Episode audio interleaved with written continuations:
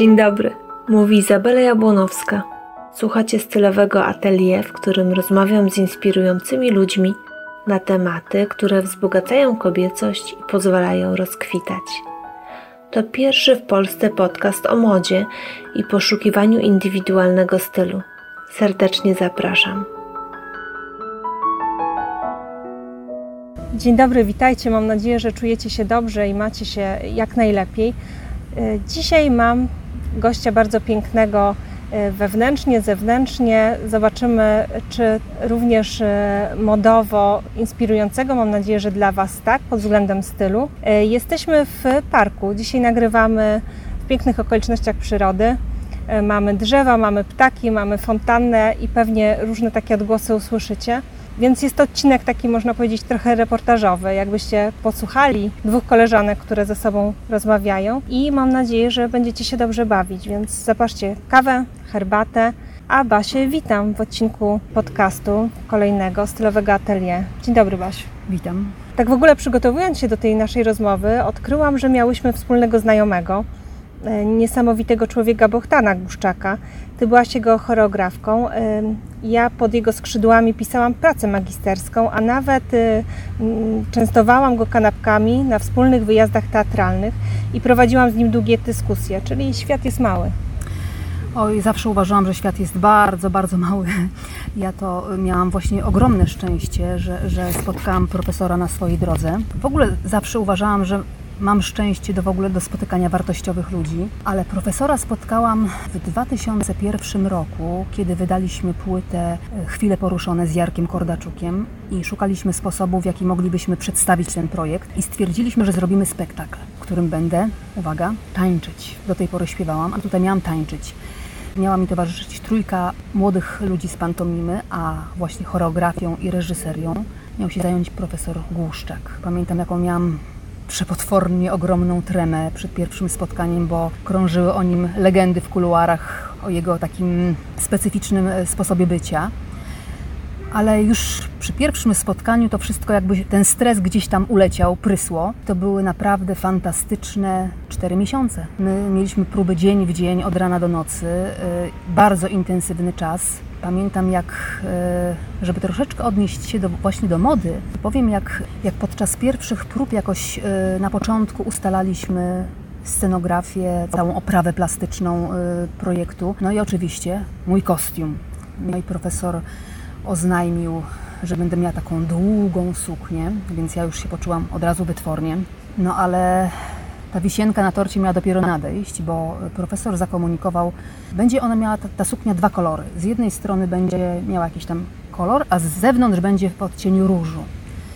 Teraz już jakoś tak nie działa ten kolor na mnie jak płachta na byka, ale w tamtym okresie tak było, więc jak usłyszałam, nastąpił pew- pewnego rodzaju zgrzyt kolorystyczny, ale ta wisienka dopiero miała nadejść, ponieważ profesor zakomunikował, że będę miała rozcięcie na całej długości z przodu, centralnie. Kiedy ja to usłyszałam, moje wewnętrzne jak krzyczało, że po prostu nie ma takiej możliwości, absolutnie nie ma takiej możliwości, żebym ja się na to zgodziła. A profesor pomyślał, że ja y, będę łapała tę suknię za koniuszki, unosiła ją do góry i ta dwuko- dwukolorowa suknia będzie się mieniła w światłach, a jak będę ją unosiła do góry, to będę malowała przestrzeń tą suknią. No tak, tylko że ja byłam osobą w, w tamtym okresie, która nosiła długie suknie, ale każdy rozporek ręcznie zaszywałam. Nie było możliwości, żebym kawałek nogi pokazała. I tak z perspektywy czasu ja nie wiem, kiedy, jak to się stało, że profesor mnie do tego przekonał. Ja się na to po prostu zgodziłam. I muszę powiedzieć, że podziękować jemu w sumie, bo y, on mnie nauczył ogromnej świadomości ciała. Ja nigdy wcześniej nad tym się w ogóle nie zastanawiałam, po prostu wychodziłam na scenę i byłam. A od tamtego czasu zwracam na to szczególną uwagę. Nie jest tak oczywiście, że ja robię choreografię do swoich piosenek w koncertach. Oczywiście działam spontanicznie, ale takie e, z tyłu głowy, gdzie zawsze się pali lampka, żeby z czymś nie przedobrzyć, żeby czegoś nie było za dużo. W związku z tym dzięki profesorowi wyzyskałam taką ogromną świadomość tego ciała. No i w ogóle możliwość e, obserwowania, jak on pracował, to było, to było coś niesamowitego, bo on na bieżąco dostawał od nas utwory, to, że ja mogłam obserwować ten proces tworzenia. On siadał, wsłuchiwał się w utwór. Utwory nie były łatwe, proste w formie, bo to były po pierwsze utwory długie, dużo polimetrii, polirytmii. A on siadał, zamykał oczy, kończył się utwór i on miał gotową choreografię na cały utwór. To było coś niesamowitego. Tam może jakieś kosmetyczne, yy, kosmetyczne poprawki nanosiliśmy w trakcie, ale praktycznie on przez te 5 minut trwania on wymyślał cały utwór. Także dla mnie to jest coś wspaniałego, że mogłam w ogóle, y, mogłam, go, mogłam z nim po prostu przebywać przez, te, przez tyle miesięcy i jeżeli chodzi jeszcze o strój, to dodam, że nie pamiętam sytuacji, żeby profesor przyszedł na próbę przez te wszystkie miesiące bez marynarki. On zawsze był taki elegancki, taki przedwojenny urok, taki czar w nim był. Coś wspaniałego. Zgadza się. Ja dodam, że profesor y, zawsze na zajęcia ubierał się w zestaw kombinowany właśnie z marynarką. Natomiast gdy jechaliśmy do teatru, najczęściej był w Glińcach. Czyli nawet jeżeli był to teatr narodowy, traktował to jako miejsce pracy i zupełnie y, miał inną percepcję właśnie mm, takiego postrzegania, jak się należało, jak się należało ubrać. To było dość zabawne. A dla słuchaczy, jeżeli jesteście ciekawi, jak wyglądał profesor Błuszczak, to zachęcam Was, żebyście w wyszukiwarkę na blogu wpisali, jak się ubrać do teatru i tam znajdziecie właśnie zdjęcia moje z profesorem. I, I takie sprzed lat, trochę, trochę śmieszne, jak to się ogląda zdjęcia z dawniej. Ale tak, jest, profesor Błuszczak był e, wybitną postacią, inni wielcy aktorzy kłaniali mu się w pas. E, Czesław Nieman komponował też muzykę do jego przedstawień i warto, warto myślę było wpleść ten wątek. A teraz troszeczkę zmienię temat, bo mm, wspomniałaś kiedyś, że najłatwiejsze drogi nie zawsze są najlepsze czy za wybojami, zakrętami czeka nas większa nagroda? Ja chyba mówiąc to zdanie, y, odnosiłam się do, do młodzieży. Ja miałam chyba jakiś wywiad dotyczący jurorowania w konkursie i, i, myślę, że to, to się odnosiło do tego.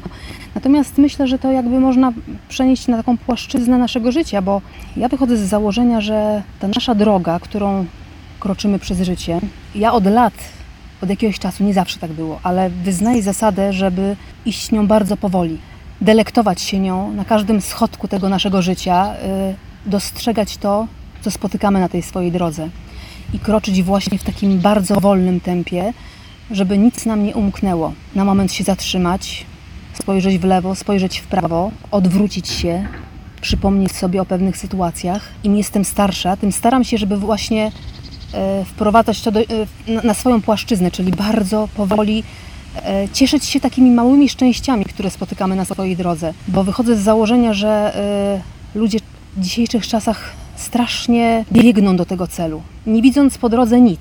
Widzą tylko tę metę, upragniony cel, a ja wychodzę z założenia, że fajnie jakby rozglądać się na boki, widzieć te małe szczęścia, doceniać te małe szczęścia, bo może być też taka sytuacja, że kiedy już dobiegniemy do tej mety, owszem, osiągniemy ten cel, ale okaże się, że jesteśmy tam zupełnie sami, bo nasi bliscy po prostu za nami nie, nadążyli. nie nadążyli. W związku z tym ja jestem taką zwolenniczką bardzo uważnego e, przechodzenia przez to życie i cieszenia się takimi naprawdę taką codziennością.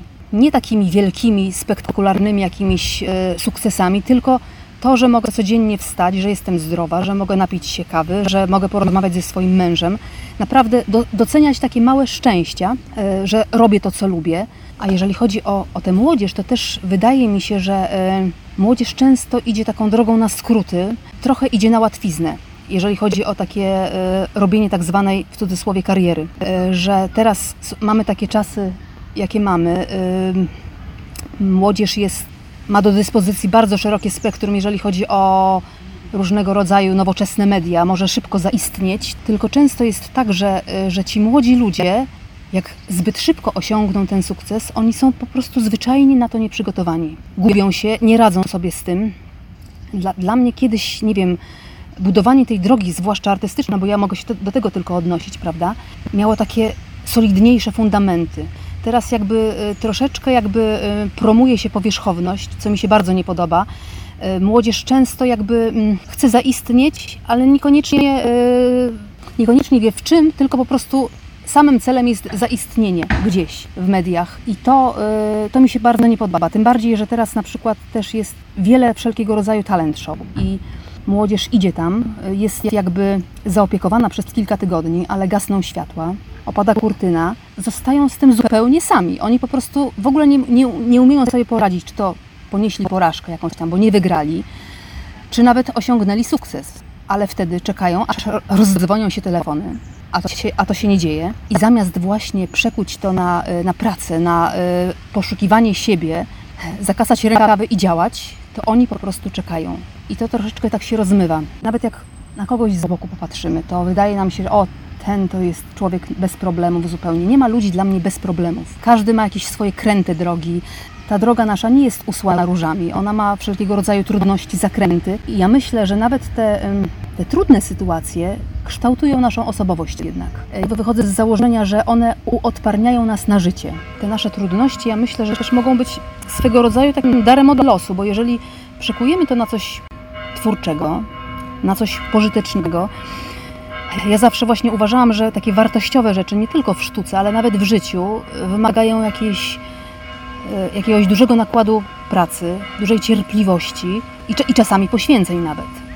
Więc te nasze drogi są różne, ale jakby trzeba, yy, trzeba z pokorą podchodzić do, do życia.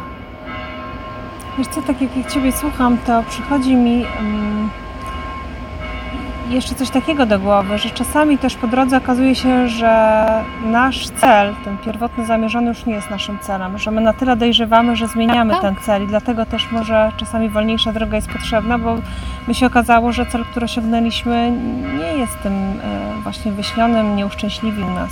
Ja też wychodzę z założenia, że e, w życiu wszystko jest po coś.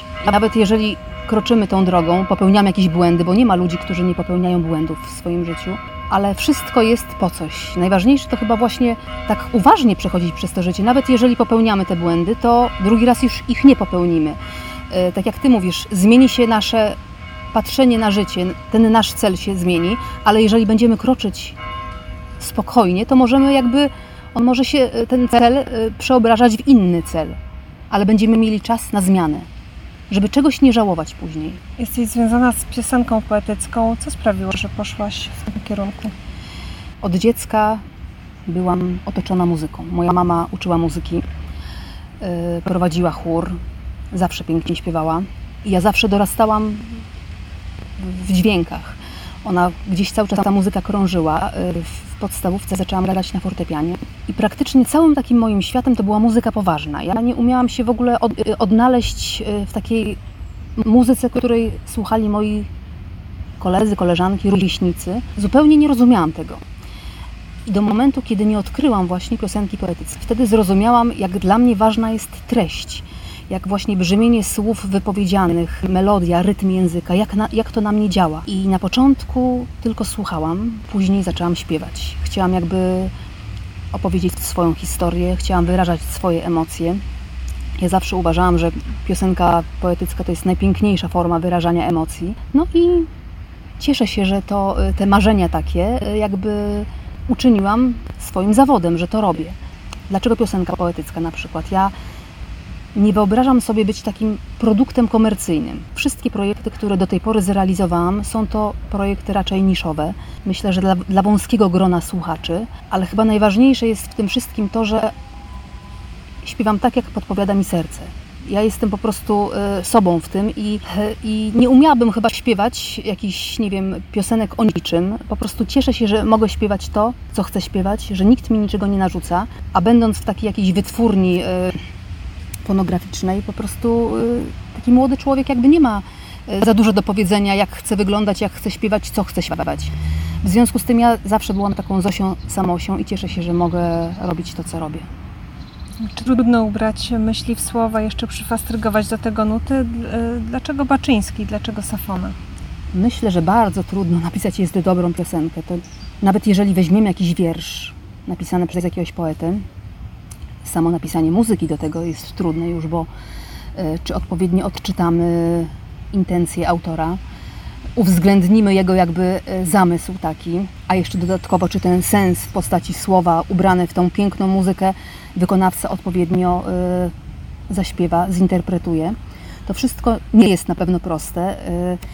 Do Baczyńskiego namówił mnie Janusz Lipiński, który pisał te utwory będąc jeszcze studentem, po latach zamarzył sobie właśnie, żebyśmy zrobili ten projekt i na nowo z Jarkiem Kordaczkiem y, stworzył te piosenki. Ja powiem szczerze, że sama z siebie chyba nigdy bym się nie odważyła sięgnąć po Baczyńskiego. Bałabym się, bo ta poezja dla mnie zawsze była piękna, intrygująca, ale bałabym się, że coś zepsuję, że może źle odczytam. Y, Także gdyby nie Janusz, to ja myślę, że y, nigdy bym tego projektu nie zrealizowała. Nawet nie śmiałam po prostu marzyć o Baczyńskim, a myślę, że to, marzenie mi właśnie podarował Janusz Lipiński. Natomiast jeżeli chodzi o Safonę, to mm, chcieliśmy stworzyć projekt, gdzie motywem przewodnim, e, takim narratorem będzie kobieta. Kobieta odważna, tajemnicza, zmysłowa. W sumie e, chcieliśmy jakoś poruszyć wyobraźnię widza, nie chcieliśmy eksponować, do kogo miłość tej kobiety jest skierowana. Chcieliśmy, żeby każdy sobie sam odpowiedział na to pytanie bo w sumie o samej Safonie to niewiele wiem. Nie wiem, jak wyżyła, jak wyglądała. Ona stała się bardziej takim symbolem kobiecości niż realną postacią. Ale ja wychodzę z założenia w ogóle, że, że taka prawdziwa poezja, prawdziwa, dobra muzyka to jest uniwersalny, piękny język i ona przetrwa wieki.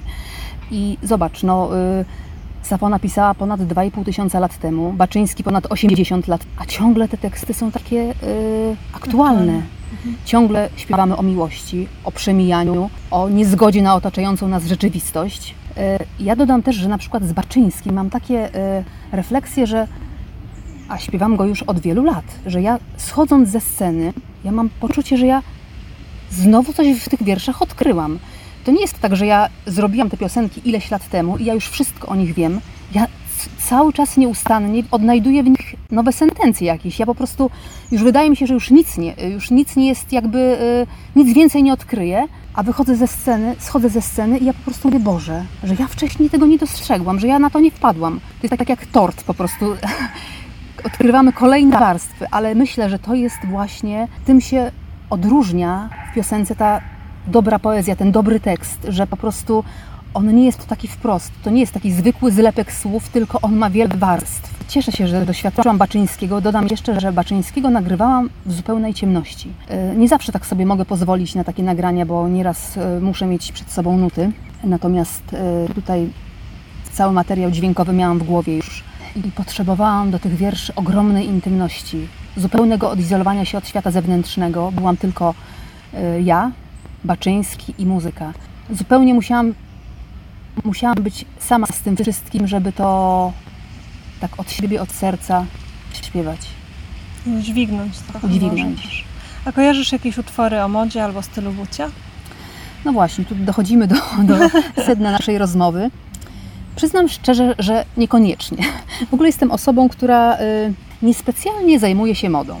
Ona oczywiście w jakiś sposób dyskretnie mi towarzyszy, no bo śpiewam na scenę, jakoś muszę się ubrać, czy nawet w życiu jakoś, jakoś ubrać się trzeba. Natomiast jakoś niespecjalnie się nad nią pochylam. Ja, ja działam w niej jakoś tak bardziej intuicyjnie. Od razu mogę stwierdzić, czy to mi się podoba, czy nie. Nie mam takich problemów u siebie, żeby zastanawiać się, czy, ja, czy mi się to podoba, czy mi się to nie podoba, czy ten koncert mnie poruszy, czy mnie nie poruszył, czy to ubranie jest fajne, czy nie. Ja mam taki, taką szybkość reagowania e, tak albo nie. Ale jeżeli chodzi o e, takie powiązanie mody ze sztuką, z, e, z muzyką, z teatrem, to nie, nigdy nie szukałam takich powiązań. Chyba jedyna, jedyny utwór, jaki mi teraz się nasuwa, przebłysk nastąpił, to chyba utwór Leonarda Cohena, bo w tytule jest słynny niebieski prochowiec, a tak to po prostu jakoś zupełnie nic. Kropeczki w Dziura. kropeczki. O, no, no, no wiesz, o takich utworach nawet, nawet nie tak pomyślałam. Gdyby tu siedział z nami Franciszek Jarosy a propos teatru. Też taka magiczna postać e, z książki. Jeżeli chcecie coś się więcej dowiedzieć, to zapraszam do książki Urodził go niebieski ptak. Bardzo dobra książka i opowiadający o takim trochę magicznym, nie, nierealnym bohaterze tamtych czasów. Mm, I, I pewnie coś by nam zaśpiewał. E, Moda w pewien stopniu e, determinuje styl ubierania się. I gust muzyczny możemy poznać tylko w przypadku mocno widocznych cech stroju, biżuterii lub fryzury, jeżeli ktoś naprawdę tak epatuje tymi cechami, a większość ludzi nie ubiera się jakoś charakterystycznie, znaczy w ogóle ludzie nie lubią się wyróżniać chyba zanadto, większość ludzi, bo są jednostki, które lubią. No i czy trudno jest określić, co dźwiękowo kręci daną osobę? Czy masz jakiś taki skaner w oczach i tak myślisz, że tej osobie to zadedykowałabym ten utwór. Czy wydaje mi się, że takie manifestowanie e, swoim strojem mm, stylu muzycznego, który, który lubimy, którym się otaczamy, raczej chyba e, dotyczy młodych ludzi. Tak mi się wydaje, że z wiekiem to jednak troszeczkę przychodzi. Mam e, w swoim otoczeniu znajomych, którzy jako młodzi ludzie, jakby przyjrzeć się zdjęciom, to oglądali, słuchali jakieś tam muzyki i ich stroje, fryzury były adekwatne do, do tego, czego słuchali. Teraz z racji pełnionych zawodów yy, ubierają się w swoje garnitury. Na pierwszy rzut oka niekoniecznie byłoby widać, co ich kręci muzycznie, ale myślę, że w serduchach oni dalej pozostali przy tamtej muzyce. Ja nawet patrzę na swojego syna, który jako nastolatek yy, namiętnie słuchał metalu. Jego strój, yy, fryzura była adekwatna do muzyki, której słuchał. Teraz jest już młodzieńcem, nadal słucha tej muzyki, ale jest już bardziej jakby otwarty na zarówno na ubiór, daje się ubrać inaczej niż tylko w te swoje skóry, ale również na, na fryzurę e, i na również na muzykę, której e, nawet chodzi, nie wiem, zdarza mu się chodzić do filharmonii. W związku z tym nie jest tak e, zamknięty w tym swoim świecie metalu. Będąc nastolatkiem, miał taką naszą pełną akceptację tego, co robił, tego, co słuchał, pomimo że my z mężem takiej muzyki nie słuchaliśmy. Ale na, nawet patrząc na muzyków, którzy mi towarzyszą na scenie, e, są to w większości muzycy, którzy grają muzykę poważną. Jakby tak na nich popatrzeć, to wtedy wiedzieć, że są ubrani na czarno. No chyba, że, chyba, że jakiś tam inny zamysł reżysera jest. Większe szaleństwo jest przypisane raczej wokalistce, natomiast w codzienności już to nie idzie w parze, bo y, mam kolegę takiego, y, muzyka, wspaniały oboista, jest wykładowcą na Akademii Muzycznej, a mieliśmy tutaj koncert w Filharmonii i pamiętam, on jechał spóźniony na ten koncert i ma taką swoją pasję. Uwielbia motory. W związku z tym y, no, cały ten uniform, y, kask, te skóry odpowiednie do motoru i właśnie wjechał do Olsztyna z takim impetem, spóźniony już na ten nasz koncert.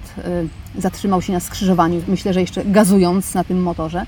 I zapytał się pani na skrzyżowaniu, jak ma dojechać do filharmonii. I jak opowiadał reakcję tej pani, jak zobaczyła ten obrazek pana siedzącego na motorze, ubranego tak jak ubrany był, w ogóle jej nie korespondowało z tym, co usłyszała.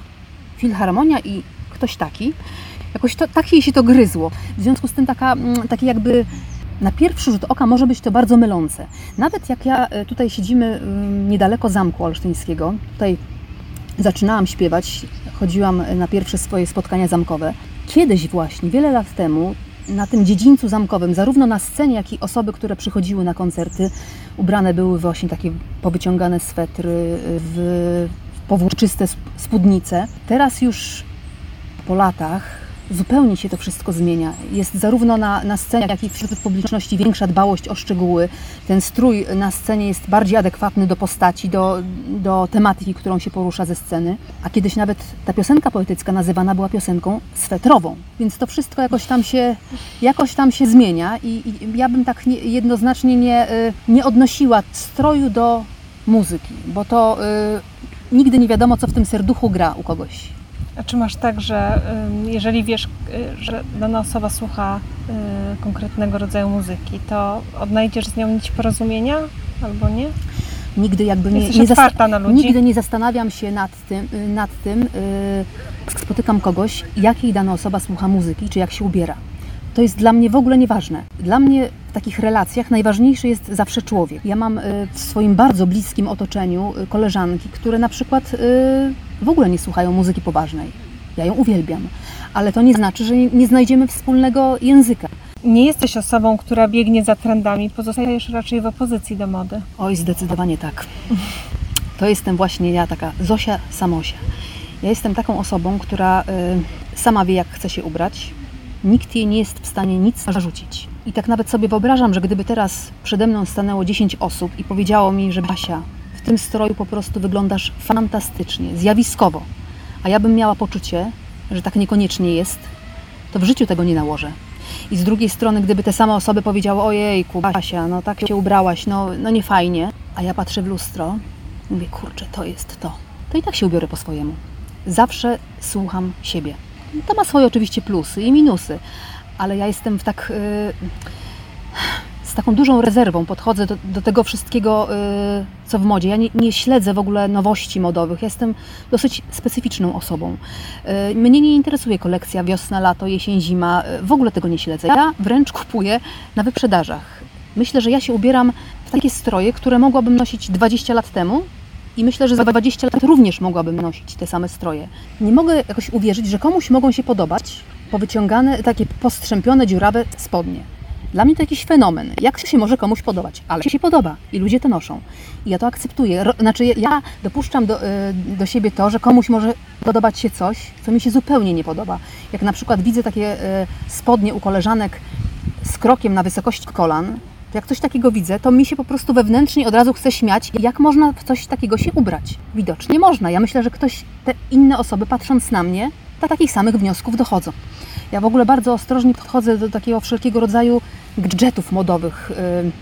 Y, miałam kiedyś taki koncert, y, gdzie sobie wymyśliłam, że będę miała kreację z odkrytymi plecami. No i w związku z tym y, musiałam mieć do tego specjalną bieliznę, czyli taki, taką przyklejaną. I występowałam w tym stroju wielokrotnie już, ale to było podczas tam dwóch piosenek, trzech piosenek. A tutaj mi przyszło zaśpiewać cały recital. Dodam, że było to lato. Tysiąc stopni ciepła, wnętrze piwniczne, gorąco, masa ludzi, niemalże siedzieli u moich stóp. No i ja po drugim utworze poczułam, jak to coś mi spływa. To był taki szok po prostu dla mnie. Cały koncert, a do końca było jeszcze naście utworów. Ja nie byłam w stanie się na niczym, na niczym skupić, tylko na tym, żeby mi to coś nie wypadło spod tej sukienki, tuniki, nie, nie pamiętam już dokładnie co to było, tylko pamiętam te plecy odsłonięte. Po koncercie podchodziły do mnie tam e, koleżanki, e, jedna z nich się zapytała, czy ze mną wszystko w porządku, bo miała wrażenie, że cały czas się łapie za serce. A po prostu to coś przyklejałam sobie to łokciem, to się odwracałam, to tutaj dłonią, żeby tylko po prostu nie było sensacji podczas koncertu. I wtedy sobie obiecałam, że nigdy więcej, zwłaszcza na scenie, nie mogę nałożyć czegoś, co będzie odciągało moją uwagę od tego, co śpiewam, od po prostu od piosenek, od dźwięków. Ja muszę się na, na tym skupić, a nie na tym, czy coś tutaj mnie nie uwiera, coś się nie odkleja. W związku z tym ja y, teraz podstawą wy, y, wyboru mojego stroju na koncert jest wygoda. To musi być wygodne. A jeszcze dodam jedną rzecz, że jestem typem kobiety, która y, nie ma w swojej garderobie ani jednej pary jeansów i ani, uwaga, ani jednej pary szpilek a wydaje się, że szpilki to kobiecość. A ja się czuję kobietą, pomimo tego, że nie mam szpilek. Nawet kiedyś zadzwoniła do mnie pani yy, z takiej fundacji, że organizują pokaz mody. Miałam tam być modelką. Yy, chodziłyśmy tutaj yy, w takich koszulkach z logo tej fundacji. To był jakiś taki pokaz mody charytatywny i zapowiedziała, że mam mieć jeansy swoje i szpilki. Na ten jeden wieczór te jeansy sobie zakupiłam. Później się oczywiście ich pozbyłam, ale powiedziałam, że jeżeli chodzi o buty, szpilki, to po prostu nie ma absolutnie takiej, in, nie ma absolutnie możliwości i nałoży, nałożyłam swoje basiowe baleryny. Ja Ci powiem, że podziwiam takie osoby, które idą w opozycji do mody i mm, mam taką swoją teorię, że jeżeli idziemy za modą za bardzo, no to ktoś nam narzuca ten styl i wtedy my nie mamy swojego stylu. E, ja też często na blogu piszę o tym, czym jest styl i dla mnie styl e, nie jest tym, e, że musimy mieć najmodniejszy fason ubrań, najmodniejszy kolor, tylko właśnie na świadomości tego, co chcemy na siebie założyć. Więc jak ktoś mówi, Racja. że nie lubi mody, to ja jakby nie, nie myślę sobie, że to jest osoba niemodna, nie? Ja myślę sobie, że to jest mhm. osoba stylowa, że to jest mhm. bardzo ciekawe właśnie. Ja właśnie czasami, wiesz, jak patrzę nawet na ludzi, yy, którzy poszukują najnowszych jakichś tam, nie wiem, gadżetów, klapki, jakieś buty, czy tam jakieś e, sukienka e, najmodniejsza w tym sezonie, to ja się czasami zastanawiam, czy te osoby kupują to dlatego, że, że, że to jest właśnie na czasie, czy to im się faktycznie podoba. Ja ubieram się zawsze w to, w ty, czym się dobrze czuję, co mi się podoba. Na pewno nie, nie ulegam modom mhm. sezonowym. Stąd właśnie wniosek, że moje ubrania są takie ponadczasowe, że ja myśl, tak mam taką nadzieję, oczywiście może też, też we mnie coś się zmienić za jakiś czas, ale dopuszczam, to dopuszczam, ale mam wrażenie, że będę mogła w tych ciuchach chodzić po prostu nawet za 20 lat. Jest jednak coś, co jest Twoim osobistym wyróżnikiem stylu. To właśnie nietypowe buty i nakrycia głowy. To dawno się zaczęło? No, tak, tak. Y, wiesz co, to z tymi butami to jest tak, że ja nigdy sobie nie umiałam dobrać tych butów. I to trwało naprawdę bardzo długo. Ja u kogoś nawet widziałam jakieś buty, które mi się spodobały, zakładałam je i mówię, Boże, no nie, po prostu źle na mnie to leży. U kogoś nawet to mi się podobało, ale na mnie niekoniecznie. I kiedyś przez przypadek w jakimś takim małym sklepie obuwniczym znalazłam takie ogromniaste buty. Jak ja je zobaczyłam, mówię, Boże, to jest to, czego ja szukałam przez całe życie. Po prostu ja nawet sobie sprawy nie zdawałam, że właśnie tego szukam. I po jakimś czasie znalazłam taki sklep internetowy, gdzie praktycznie każda para butów moja. E, od tego czasu już mam sporą kolekcję, przyznam. Mam buty na każdą porę roku z tymi ogromnymi y, platformami i y, nawet mam takiego fisia, że niektóre modele zakupuję w kilku parach. Kilka par kupuję, bo wychodzę z założenia, że nie daj Boże przestaną produkować, to będę miała zapas. I rozczaruję tutaj, bo niektórzy mogą myśleć, że na przykład w jakiejś parze chodzę już kolejny sezon, kolejny rok, a ja po prostu yy, mam tego jednego modelu kilka par. I te buty moje mają jedną, jedyną wadę. Tylko jedną. One po prostu zajmują bardzo dużo miejsca w garderobie i w walizce. Pół walizki to są moje buty. A tak po prostu nie widzę żadnych, żadnych e, innych e, złych stron tych butów. Natomiast jeżeli chodzi o nakrycia głowy, to jest coś takiego u mnie, że właśnie sam strój u mnie jest zawsze stonowany i w takich kolorach takich bardzo stonowanych. U mnie w garderobie to praktycznie 80% to jest czerń, jakieś tam odcienie szarości, beżów. E, natomiast jeżeli chodzi o nakrycia głowy, to tutaj pozwalam sobie naprawdę na ogromne szaleństwo. To nakrycie głowy jest takim dopełnieniem, taką kropką nad i w tym moim stroju, począwszy od tych butów, a skończywszy na tej głowie. I mam wszelkiego rodzaju kapelusze, berety, y, czapki, czapy, y, chustki w takich odjazdowych kolorach i z takimi różnymi fakturami, że naprawdę sama bym się, siebie nawet o to nie podejrzewała, że w ogóle dopuszczę do, do siebie kolor. Ale jeżeli chodzi o ten kolor, to też powiem, że yy, bo wcześniej wspomniałam, że tylko te szarości, beże, brązy i czarny, no czasami biel, ale od jakiegoś czasu, widzisz, to pokazuje, że człowiek jednak się zmienia, bo dopuszczam w swojej garderobie kolor czerwony. Nie wiem, to nagle zaskoczyło u mnie i zauważam, że jak już wchodzę, to nie jest w tej garderobie tylko czarno, ale są przebłyski czerwieni. I mam właśnie dużo również nakryć głowy w kolorze czerwonym. Ale poza tym jeszcze jest jeden aspekt tych nakryć mojej głowy, bo z uwagi na moją niską odporność, jeżeli chodzi o warunki pogodowe, e, mam bardzo wrażliwe zatoki i takie nakrycie głowy to jest przyjemne z pożytecznym dla mnie, bo z jednej strony mnie, chroni mnie od, e, nie wiem, wiatru, klimatyzacji, e, niskiej temperatury, a z drugiej strony jest takim dopełnieniem mojego stroju. Tak myślę jeszcze o tym kolorze czerwonym, że to taki odcień krwi życia, energii, że być może tej energii teraz szczególnie Ci potrzeba. Próbuję Ci psychoanalizę zrobić. Potem jeszcze będę robić dalej. Może. No, ale że może coś jest na rzeczy. Mm, kiedy jesteśmy w takich jakby obniżonych wibracjach, kiedy, yy, kiedy potrzebujemy mm, zrealizować jakieś projekty, no to ta czerwień pomaga. Mhm. Ogień. Ogień. Ognisty kolor.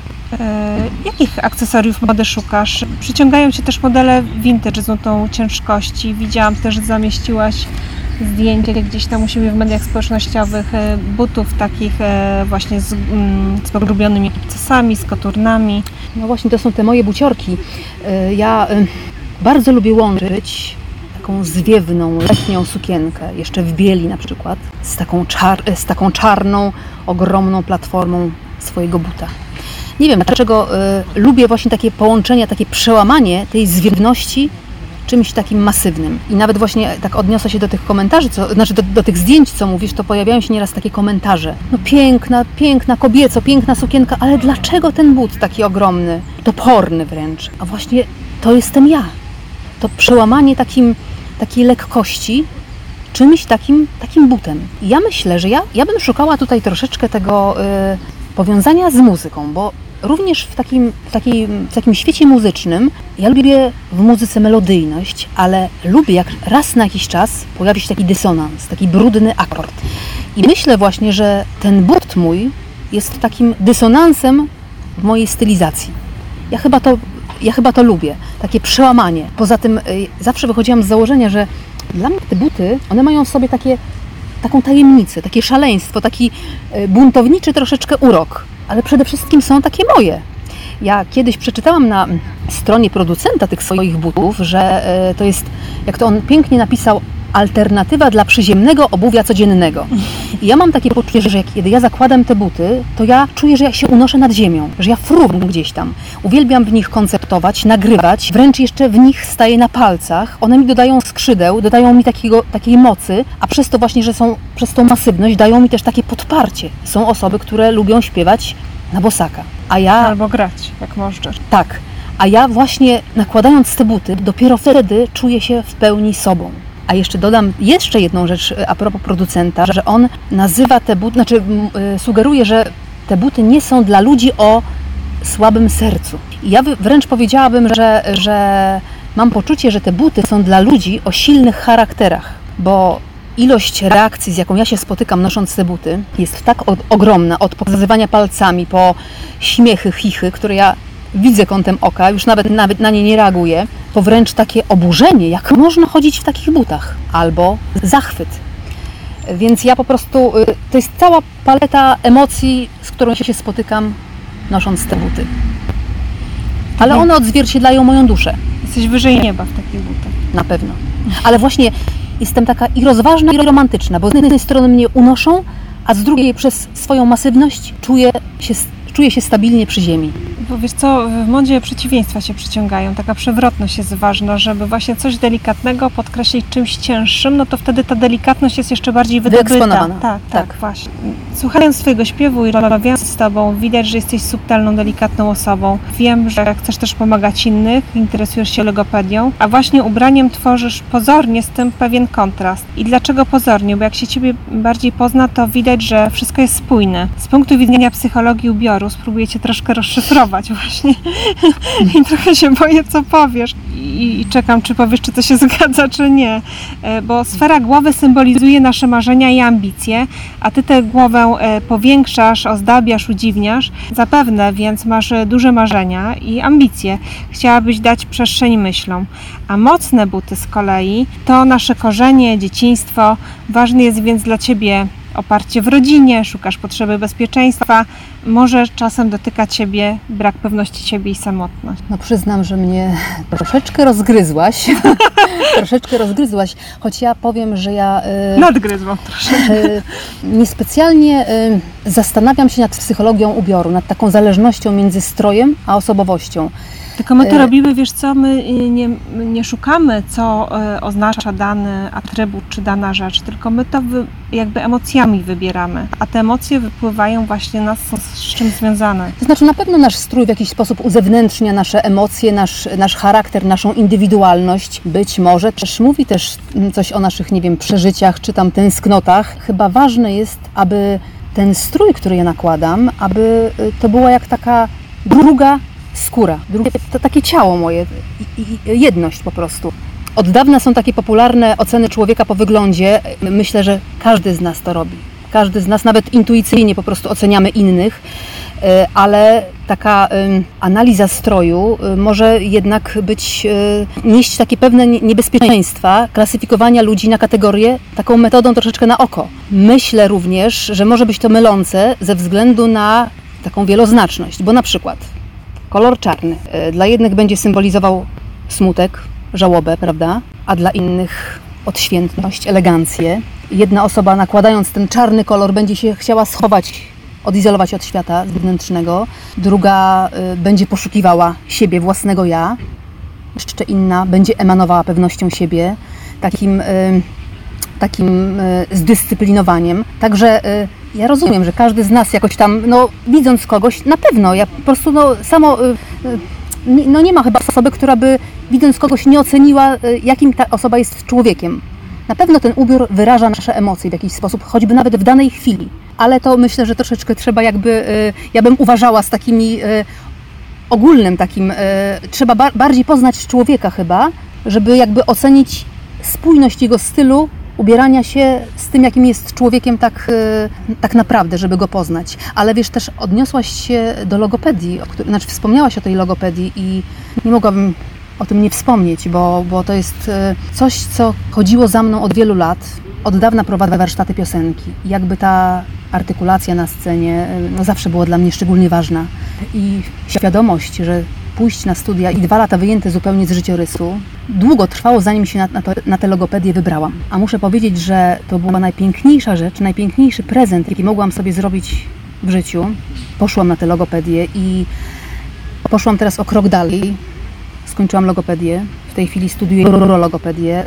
Lada dzień będę miała obronę i cieszę się, że właśnie, że, że odnalazłam coś, co na początkowo idąc tam, myślałam, że to będzie jakby takie podniesienie swoich kwalifik- kwalifikacji, jeżeli chodzi o takie warsztaty piosenki, a odnalazłam zupełnie oddzielny zawód. I polecam każdemu takie wsłuchiwanie się w siebie, w swoje marzenia i praca. Praca, że bo samo nic nam z góry nie spadnie, a ja mam takie bardzo odpowiedzialne podejście do tego wszystkiego i, i mam świadomość, że trafiają trafiają, trafią do mnie pacjenci, nie wiem, po różnych incydentach neurologicznych, po udarach i to nie jest tak, że ja sobie tylko studiuję tutaj, tylko y, ja dużo czasu bardzo poświęcam na tę na literaturę, którą poznaję, na szkoleniach, w których uczestniczę. Cieszę się również, że jestem muzykiem w tym wszystkim, bo te rzeczy logopedyczne mogę przenosić na płaszczyznę właśnie piosenki, a wykształcenie muzyczne, tę wiedzę muzyczną, którą mam, logopedię czy nawet neurologopedię. I nawet nie myślałam, że takie moje ucho muzyczne będzie mi bardzo pomocne w diagnozowaniu logopedycznym, czy poszerzy takie spektrum terapeutyczne. Ale tak się teraz chyba zakałapućkałam troszeczkę za, za, za dużo tutaj y, chyba weszłam na, na terytorium mi bliskie, ale no od razu przepraszam, bo to jest po prostu mój ostatnio konik. Wracamy do mody. E, to znaczy nie, no widzisz, to są wszystko naczynia powiązane. Mm, natomiast tak trochę poważnie się może zrobiło e, a propos mm, logopedii, nauki, bo, bo chciałam jeszcze nawiązać do tych dodatków, do tych butów, co nosisz i, i znowu tak e, e, trochę, no właśnie, jakby dwie, ko, ko, nie, jakby dwie koleżanki rozmawiały o, o, o, wszystkim po prostu. Ale to jest życie właśnie. Tak. W życiu są i łatwe tematy, i trudniejsze tematy. Dla mnie ten temat logopedii, neurologopedii to jest coś pięknego. To nie jest nic traumatycznego właściwie no, wręcz. To jest twoja pasja. To jest moja pasja, ja się cieszę i każdemu życzę, żeby właśnie y, nie robił rzeczy, które po prostu już wydaje mu się, że są takie bezpieczne, takie, takie po prostu y, no coś, w, czuje się, w czymś czuje się dobrze i bezpiecznie, tylko właśnie poszukiwał czegoś nowego, bo może akurat jest coś nieodkrytego. Ja nawet nie przypuszczałam, że mnie to tak wciągnie. Nie, y, zawsze powtarzam, że zawsze w ludziach fascynował mózg i serce. I teraz cieszę się, że ten mózg, mogę troszeczkę jego tajemnice poznawać z zupełnie innej strony, takiej bardziej medycznej. Powiedziałaś już, że masz e, sklep z butami, który bardzo lubisz i do którego powracasz. Gdzie szukasz jeszcze ciekawych dodatków? Kupujesz online przede wszystkim, czy masz jakieś takie perełki, że jeździsz na przykład w, e, w podróżach, wynajdujesz takie ciekawe rzeczy? Jaki jest Twój patent? E, lubię podróżować, lubię podróżować, poznawać nowe smaki, zapachy. Właśnie zawsze przywożę stamtąd przeróżnego rodzaju jakieś drobiazgi. Nie wyszukuję w nie wiadomo jakich sklepach ekskluzywnych, tylko właśnie y, dla mnie cena nie gra, roli, znaczy nie gra roli w tym sensie, że to jest tanie. Y, na tym, naprawdę przyznam szczerze, że bardzo szkoda pieni wydawać pieniądze na, na ubrania. Ja ograniczam się do wyprzedaży. Jestem osobą, która y, mało pieniędzy wydaje na ubrania. Po prostu nie dlatego, że, że y, znaczy z takiej oszczędności troszeczkę. Mi, mi, po prostu szkoda pieniędzy na ubrania i głównie zamawiam y, przez internet. Nie jestem kobietą, która uwielbia chodzić po galeriach. Chodzę tam, jeżeli muszę, jeżeli, a zwłaszcza jeżeli zakupię coś przez internet i później muszę iść to oddać. Wtedy pojawiam się w galerii albo tam, nie wiem, z jakiegoś tam powodu, bo muszę coś tam załatwić. Natomiast wszystkie zakupy staram się robić głównie przez internet i tam szukam również dodatków, y, ale ze swoich podróży również przywożę wszelkiego rodzaju kolczyki, bransoletki, wisiorki. Ja takie rzeczy bardzo lubię. Ale oprócz tego mam przy sobie osobę, która bardzo umiejętnie odczytuje moje marzenia. Jest to taka plastyczka, Marzena Kania się nazywa, która potrafi przełożyć wszystko, co ja jej powiem, formę, kolorystykę na rzeczywistość. I ona tak fajnie to y, wsłuchuje się w moje, y, w moje pragnienia i marzenia. Ja nie wiem, jak ona to robi. Oczywiście ja nie jestem plastykiem, więc nie mam takiego wyobrażenia, ale ona pięknie odczytuje to wszystko, co jej opowiem o danym dodatku i ona to przekłada na życie. Jak przygotowujesz się przed wyjściem na scenę? Mam kilka swoich takich rytuałów, praktycznie już od pierwszej chwili, jak tylko wstanę. Staram się za, zazwyczaj, jak mam koncert, tak zorganizować ten dzień, żeby nie mieć innych ża- żadnych zajęć. Nie zawsze oczywiście mi się to udaje, ale docelowo tak jest. I praktycznie od, od przebudzenia się już e, to bardzo powoli rozbudzam swoje ciało, gardło, krtań, głos. Oczywiście dzień zawsze zaczynam kubkiem kawy.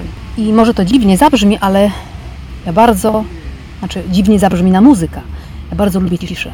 I z wiekiem zauważyłam, że ja tej ciszy coraz więcej potrzebuję i w niej widzę tyle piękna, a właśnie zwłaszcza w dniu koncertu ja nasycam się tą ciszą, bo wiem, że jak już pojadę w miejsce, gdzie jest próba koncert, to ilość instrumentów, decybeli, ilość ludzi, którą spotkam, tę ciszę mi już zakłóci. Poza tym nie jestem osobą, która pomiędzy próbą a koncertem biegnie na kawę, obiad, integrować się z muzykami. Ja jestem taka trochę pod tym względem dziwna.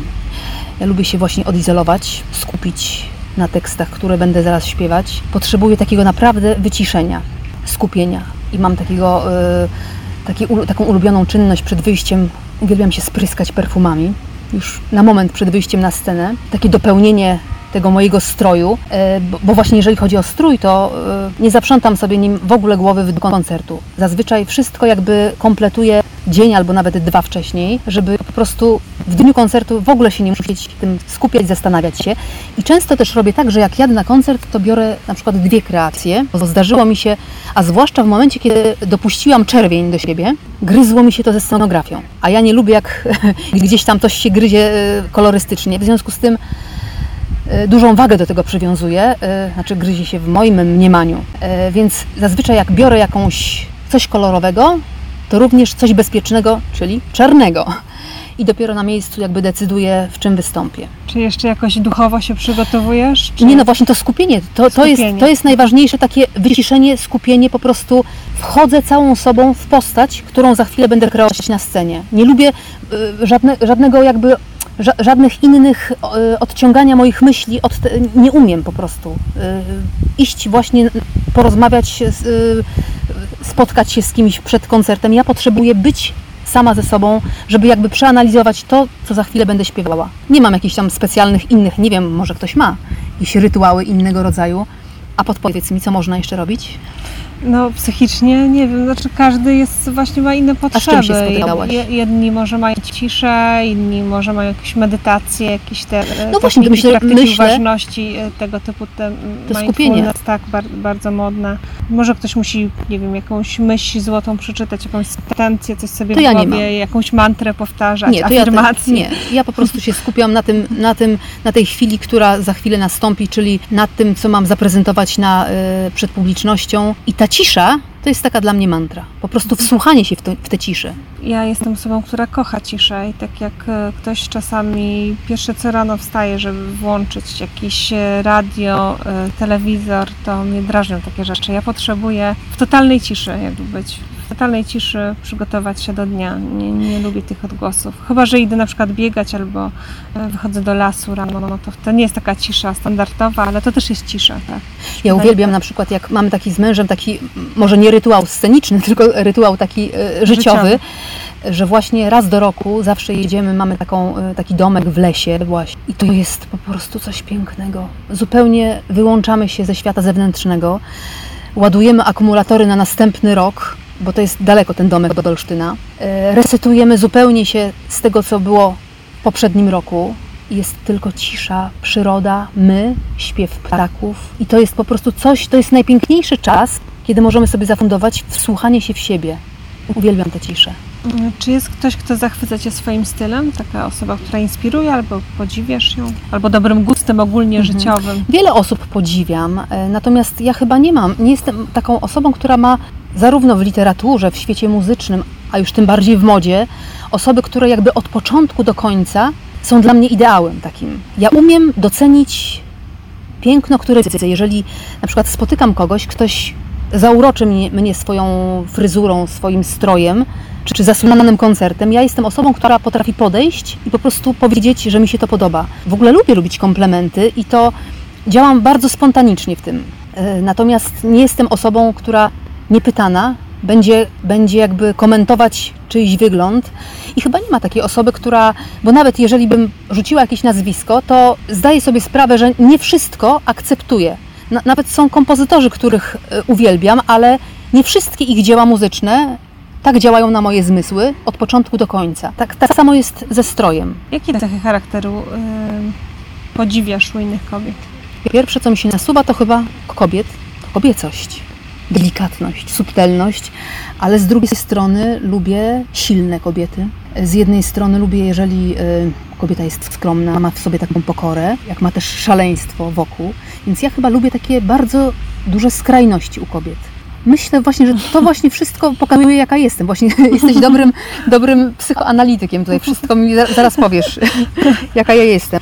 Ja myślę właśnie, że ta kobiecość głównie mnie, to jest taki, mnie fascynuje u kobiet taki naturalny urok, który widać w, spo, w spojrzeniu, w gestach, w poruszaniu się w ogóle.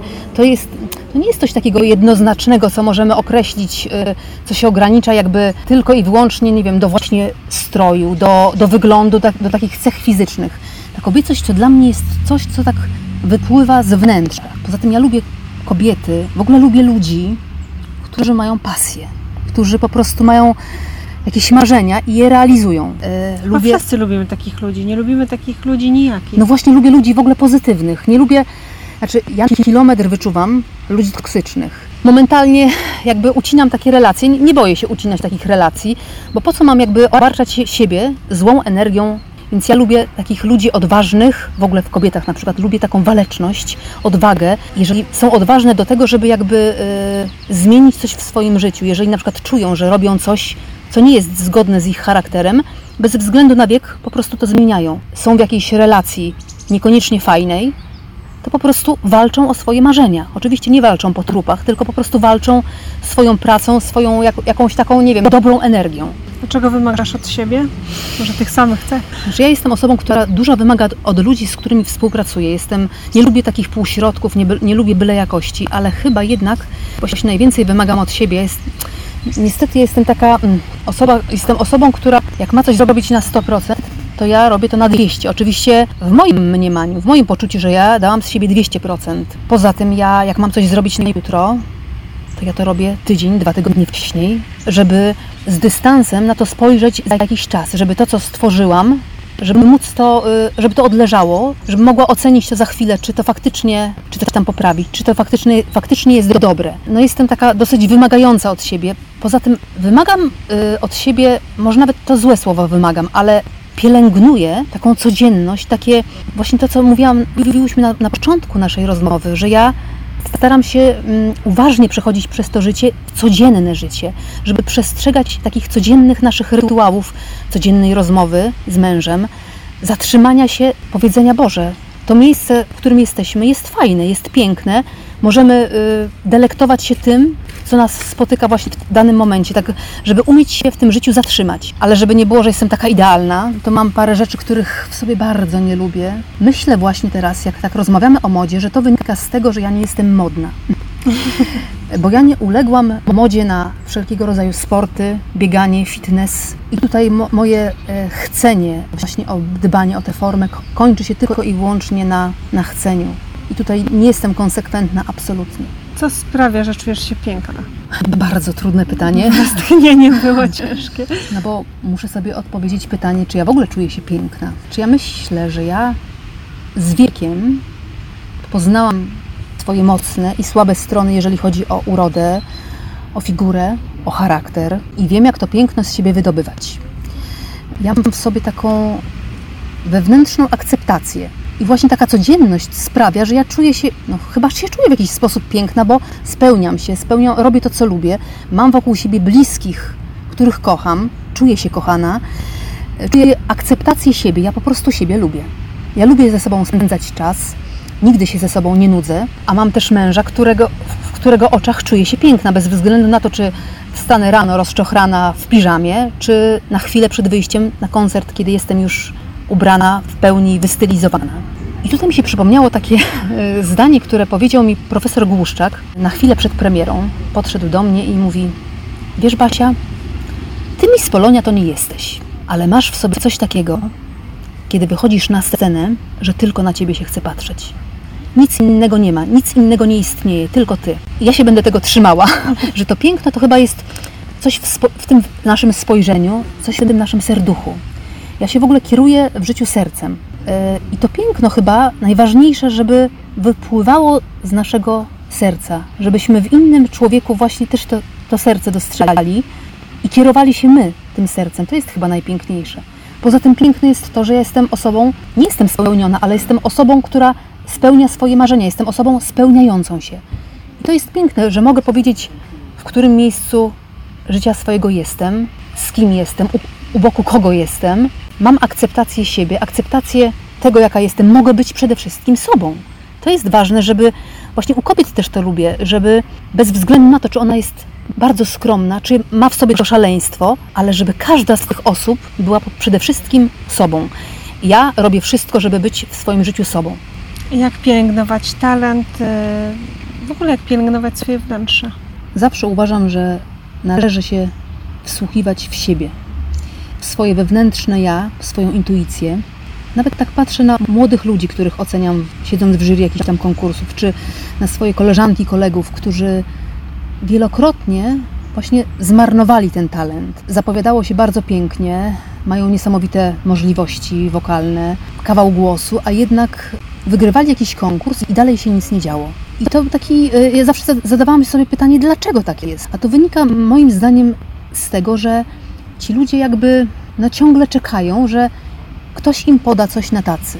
Ja wychodzę z założenia, że zawsze wychodziłam z założenia, wygrywając jakiś konkurs, że dopiero teraz ja muszę komuś udowodnić, znaczy komuś, muszę ludziom udowodnić, że ja wygrywając dany konkurs zasłużyłam na tę nagrodę i teraz to dopiero się zaczyna ciężka praca przede mną. W związku z tym ja myślę, że pielęgnować talent po prostu praca, praca i jeszcze raz praca.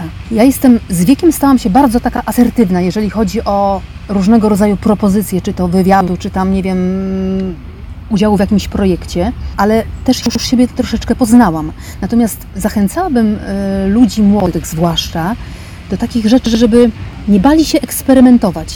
Ja jestem taką osobą, która nigdy się nie bała eksperymentować. Wchodziłam czasami w takie projekty, że na pierwszy rzut oka, jak ktoś mi coś proponował, wydawało mi się, że to jest absolutnie zupełnie nie moja bajka. Ale dawałam sobie szansę, że może jednak odkryję coś coś w sobie, jakieś nowe przestrzenie, nowe, nie wiem, nowe szufladki w swojej głowie, no, nową barwę głosu. I zawsze jakby y, tak było, że ja po prostu po jakimś projekcie, który na początku był absolutnie nie mój, okazywało się, że ja tam dałam siebie, odnalazłam siebie i zawsze wychodzę z założenia, że jeżeli będziemy poszukiwać siebie i eksperymentować, to być może otworzą się przed nami jakieś kolejne drzwi. Coś takiego jakby czego wcześniej nie doświadczyliśmy i nawet nie podejrzewalibyśmy, że mamy coś takiego w sobie. Myślę, że wsłuchiwać się w siebie, mam takie swoje motto życiowe w ogóle, e, Jonasza Kofty, aby coś się zdarzyło, aby mogło się zdarzyć, trzeba marzyć.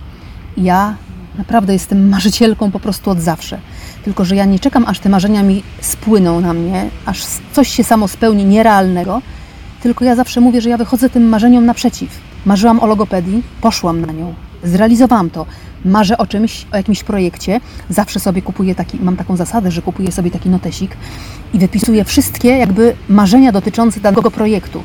Oczywiście życie później weryfikuje troszeczkę, muszę z pewnych rzeczy zrezygnować, bo muszę iść na kompromisy, bo nie jestem jedyna w tym projekcie, tylko kilka osób jakby bierze udział w nim, więc muszę się jakby częściowo podporządkować, aby wszyscy jakby jednym głosem mogli tutaj mówić, e, jakby zamknąć klamrę danego projektu.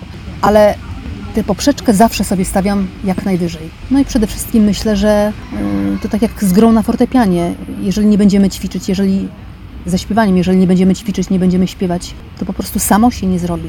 Także ten nasz talent musimy pielęgnować, po prostu wsłuchiwać się w ten talent. No i tak powiem do naszych miłych słuchaczy, że ten wywiad też się sam nie zrobił, więc dziękuję, że byłaś, bo inaczej by nie powstał. E, fajnie, że udało nam się porozmawiać. Warunki że... były trudne ze względu na otaczającą tutaj nas rzeczywistość. E, co chwilę ktoś przechodził, nie wiemy jakie dźwięki wejdą tutaj w, w eter, ale, ale miejmy nadzieję, że że będzie Dopniesz. ciekawie i, i rozmowa będzie przede wszystkim ciekawa. Ja Ci życzę, Basiu, e, bo powiedziałaś, że lubisz się uczyć, e, może nie, nie dużo nauki, w sensie jakiegoś takiego wysiłku, ale żebyś ciągle odkrywał jakieś pasje, e, które chciałabyś pochłaniać, które chciałabyś się uczyć.